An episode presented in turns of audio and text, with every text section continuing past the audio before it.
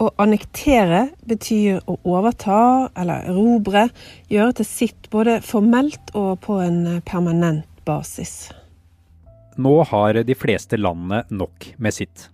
Med å begrense smitte, koordinere helseinnsatsen og sørge for at økonomien ikke kollapser. Da er det ikke så lett å følge med på hva de andre landene gjør. Og det kan være den perfekte tiden for å gjøre noe som er upopulært. Dette er forklart fra Aftenposten. Jeg heter Andreas Bakke Foss. Det er onsdag 6. mai.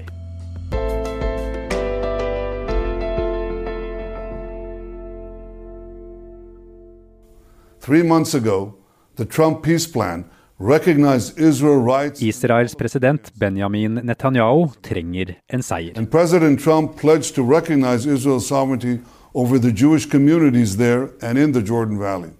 I halvannet år har han mislykkes med å danne regjering, og siden november har han stått tiltalt for korrupsjon.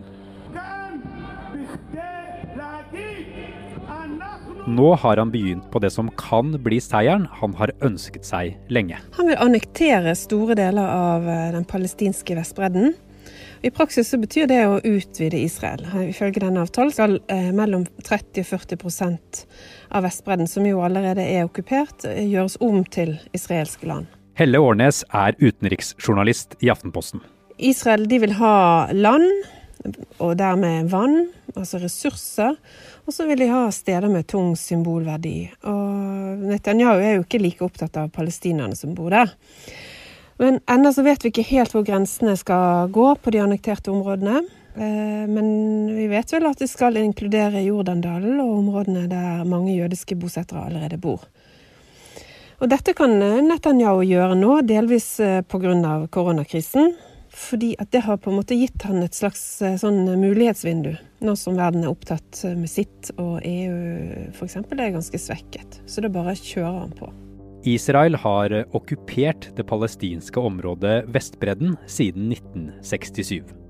Israel mener de har rett på områdene av sikkerhetsmessige, historiske og ikke minst religiøse grunner.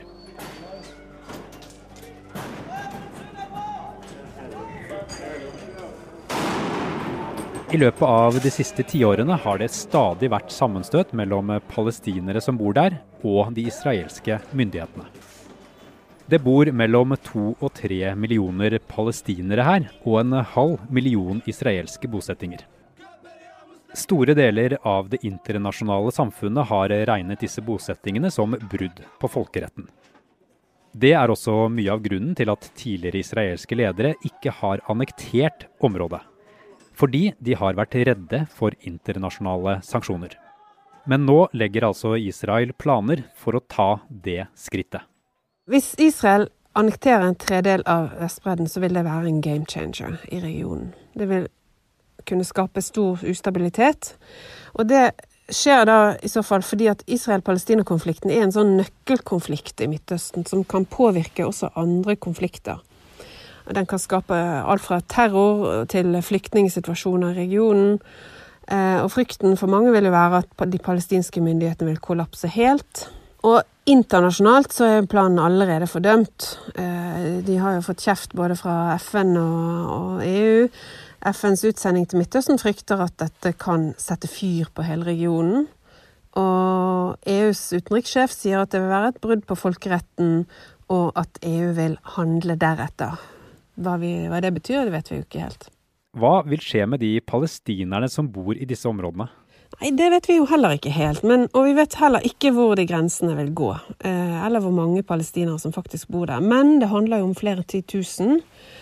Og eksperter som jeg har snakket med, sier at det godt kan være at de vil få et slags israelsk statsborgerskap. Som f.eks. gir gi dem rett til å stemme.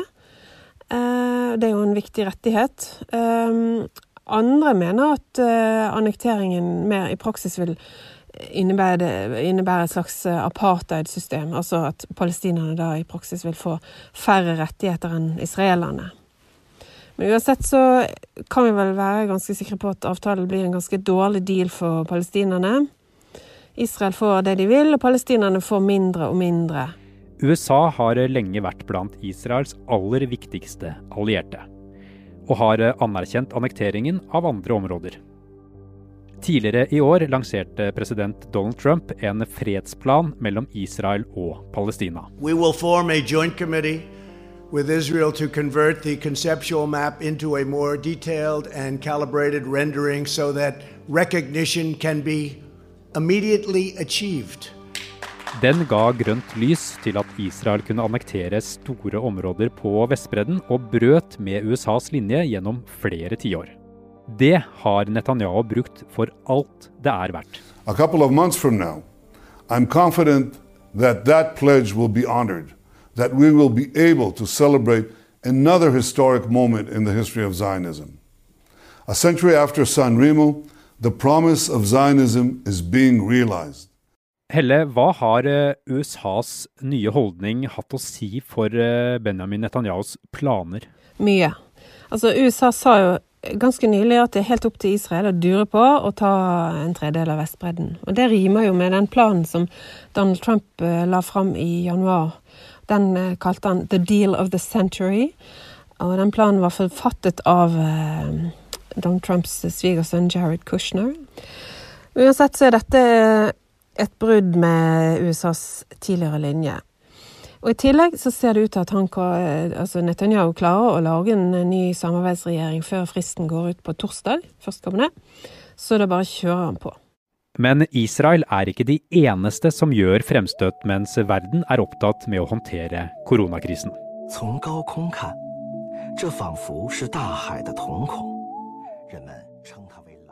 Vi er straks tilbake.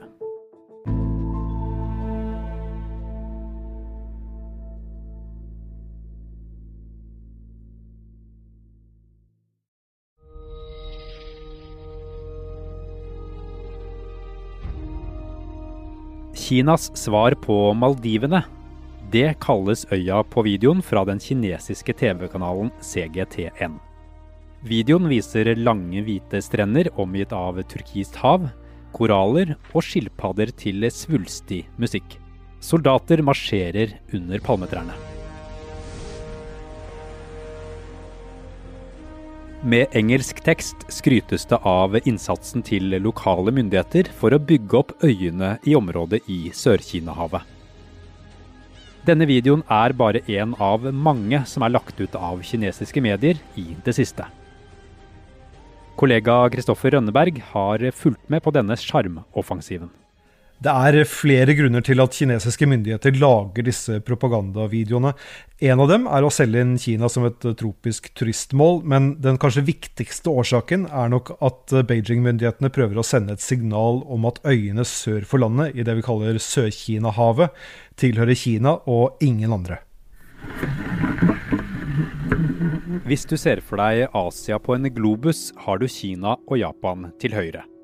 Lenger nedover, mot venstre, har du Sørøst-Asia, med land som Vietnam, Kambodsja, Thailand og Malaysia. Og midt mellom Sørøst-Asia og Kina ligger et havområde. Det er det som kalles Sør-Kina-havet. Og når vi snakker om hvilke land som har rett på ressursene i kystsonene etter internasjonale avtaler, så er det to grenser som er viktig å huske på.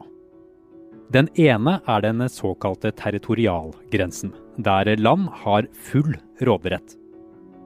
Denne grensen går 12 nautiske mil, altså rundt 22 km, utenfor kysten. Den andre grensen, som kanskje er den sentrale når vi snakker om Sør-Kina-havet, det er grensen for den økonomiske sonen til hvert land. Denne strekker seg 200 nautiske mil, dvs. Si 370 km ut fra kysten. Hvis man tenker på Norge f.eks. med en lang kystsone, så har vi en økonomisk sone til havs som er fire ganger så stor som Fastlands-Norge. Og Dette er en grense som ble fastsatt av, eh, av, internasjonale stormakter, og hvor Norge også var med på 70-tallet. Og til slutt så ble det signert i Havrettskonvensjonen i 1982. Og, innenfor disse økonomiske sonene så har hvert land monopol på å utnytte naturressurser, men andre land får lov til å bevege seg fritt innenfor denne sonen, så lenge de da ikke kommer innenfor territorialsonen, som ligger 12 nautiske mil fra kysten. Men det har ikke vært så enkelt. De siste årene har nemlig landene rundt vært uenige om hvem som har rett til å f.eks. drive fiske i området. Eller det vil si, alle de andre landene er uenige med Kina. Sør-Kina-havet er ikke så veldig stort, og i noen tilfeller så overlapper de økonomiske sonene til de ulike landene hverandre. Men det som skaper de store utfordringene i dette området, er at Kina har gjort krav på de fleste småøyene, atollene og skjærene som finnes i Sør-Kina-havet. Og så strekker de da en økonomisk sone utenfor disse igjen, og dermed så gjør de krav på nesten hele havområdet. Og det gjør at de kommer på kant med land som Vietnam, Malaysia, Filippinene og, og Taiwan. Et av områdene det har vært mest strid om, er Paracelløyene. De ligger mellom Kina og Vietnam. De siste årene har Kina jobbet hardt for å feste grepet om disse øyene. Bl.a. ved å bygge opp en bosetting på noe som heter Wudi-øya. Nei, den er ikke stor, den er bitte liten. Rundt 1,8 eh, km lang og kanskje en eh, kilometer bred. Mesteparten av øya er utbygget, eh, bl.a. med en lang flystripe og så en klynge med boliger. Denne lille bosettingen, som har mellom 1000 og 1400 innbyggere, er kjent som byen Sansha. Og hvis du spør kinesiske myndigheter, så er det faktisk Kinas største by. Største by, hvordan er det mulig? Nei, det er, en, eh, det er, mest en sånn eh, teoretisk øvelse. Da, da Sancho ble opprettet i 2012, så ble det også kjernen i et administrativt område for Kinas interesser i Sør-Kina-havet. Og nå, for bare noen uker siden, så utvidet Beijing-myndighetene dette området med to nye soner. Og til sammen så er det faktisk snakk om et område på rundt to millioner kvadratkilometer. Dvs. Si, eh, ja, på størrelse med Saudi-Arabia. Men er dette noe Kina bare kan gjøre, hvis eh, dette også er områder som blir gjort krav på av eh, andre land? Nei, dette er jo ikke noe som anerkjennes av andre land. Det, det er bare noe Kina hevder. Eh, nabolandene er rasende. Vietnam f.eks. har sendt ut noen veldig sinte pressemeldinger der de klager over det de omtaler som Kinas bøllete oppførsel. Men hvordan rettferdiggjør eh, Kina dette kravet? Ja, de mener at de har et historisk krav på dette området, fordi kinesiske fiskere har brukt dem tidligere. Men uh, en av hovedutfordringene kommer når man ser på hva det er de faktisk gjør krav på. Blant annet snakker de om noe de kaller Songsha-øya. Uh, problemet med Songsha-øya er at den ikke finnes. Den uh, er et skjær som ligger under havoverflaten. Men på kinesiske kart så er den avtegnet som en øy, og dermed inngår den også i det kinesiske kravet. I denne episoden har vi hørt mye om Israel og Kina. Men det er også andre makthavere som utnytter koronakrisen og unntakstilstanden den fører med seg, til å gjøre ting som ellers kunne vært vanskelig å få til. Ja, Det er flere eksempler. Vi kan jo dvele litt mer ved Kina først. og Da kan vi f.eks. se hvordan myndighetene nå strammer inn kraftig i Hongkong, mens resten av verden er distrahert av koronakrisen. Hvis vi beveger oss eh, andre steder i verden, f.eks. til Europa, kan vi se på Ungarn, der eh, statsminister Orban har fått gjennom en kriselov som, eh, som gir ham nesten ubegrenset makt. Av andre ting så kan jeg f.eks. nevne Bolivia, der presidentvalget er blitt utsatt pga. krisen. Jeg kan også nevne Russland, der myndighetene har fått en ny grunn til å forby folk fra å demonstrere. Og Dessuten så er det nå flere land som innfører lover for å forhindre det de kaller falsk informasjon. Og Det kan jo ofte bety informasjon som myndighetene selv ikke liker. Dette er bl.a. noe som har skjedd i Zimbabwe. Men hvordan skaper eh, denne koronakrisen en mulighet for eh, lederne i disse landene? Vi skal ikke glemme at frykt er et utrolig effektivt verktøy for politiske ledere. Skaper du frykt for en ekstern fiende i befolkningen, så kan du gjøre mye som ellers ville vært helt umulig.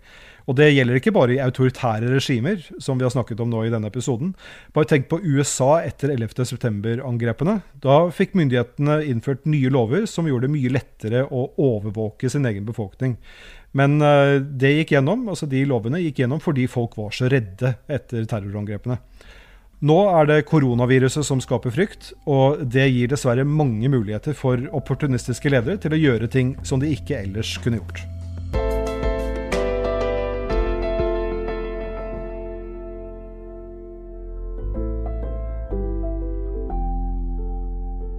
Forklart lages av Caroline Fossland, Anne Lindholm, Fride Næss Nonstad, Marit Eriksdatter Gjelland og meg, Andreas Bakke Foss.